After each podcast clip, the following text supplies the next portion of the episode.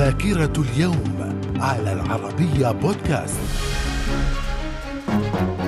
أهلا بكم إلى ذاكرة اليوم الثالث والعشرين من ديسمبر. ففي العام 962 القوات البيزنطية تقتحم مدينة حلب خلال الحروب العربية البيزنطية تحت قيادة فوكاس نيسفوروس الذي صار إمبراطورا فيما بعد. في العام 1847 استسلام الأمير عبد القادر الجزائري للفرنسيين. وفي العام 1912 تدشين سد سد أسوان في مصر. من الذاكرة. ومن ذاكرة الثالث والعشرين من ديسمبر في العام 1920 ملك المملكة المتحدة جورج الخامس يوقع مرسوم استقلال أيرلندا التي تؤلف جزءا من بريطانيا ونص المرسوم على تقسيمها إلى شطرين شمالي وجنوبي. في العام 1922 راديو بي بي سي يبدأ البث للمرة الأولى. في العام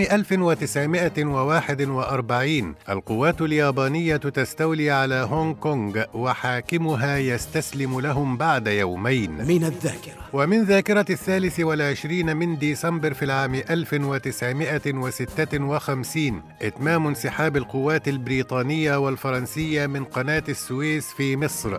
ومن عام 1958 تدشين برج طوكيو وهو أعلى برج حديدي في العالم. وفي العام 1963 الرئيس المصري جمال عبد الناصر يدعو لمؤتمر قمة عربي طارئ لمواجهة خطر تحويل إسرائيل لمياه نهر الأردن. من الذاكرة. ومن مواليد الثالث والعشرين من ديسمبر في العام 245 زنوبيا ملكة مملكة تدمر. في العام 1790 جان فرانسوا شامبوليون عالم فرنسي قام بفك رموز لغة الفراعنة الهيروغليفية. في العام 1918 ولد هيلموت شميت مستشار ألمانيا وفي العام 1961 جورج وصوف المغني والمطرب السوري وفي العام 1967 ولدت كارلا بروني مغنية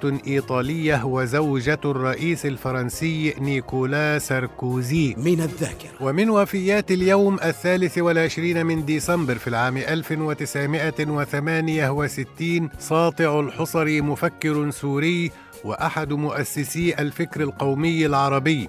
في العام 2013 ميخائيل كلاشينكوف مخترع السلاح الآلي AK-47 الذي يعرف باسمه كلاشينكوف. من الذاكرة. إلى اللقاء.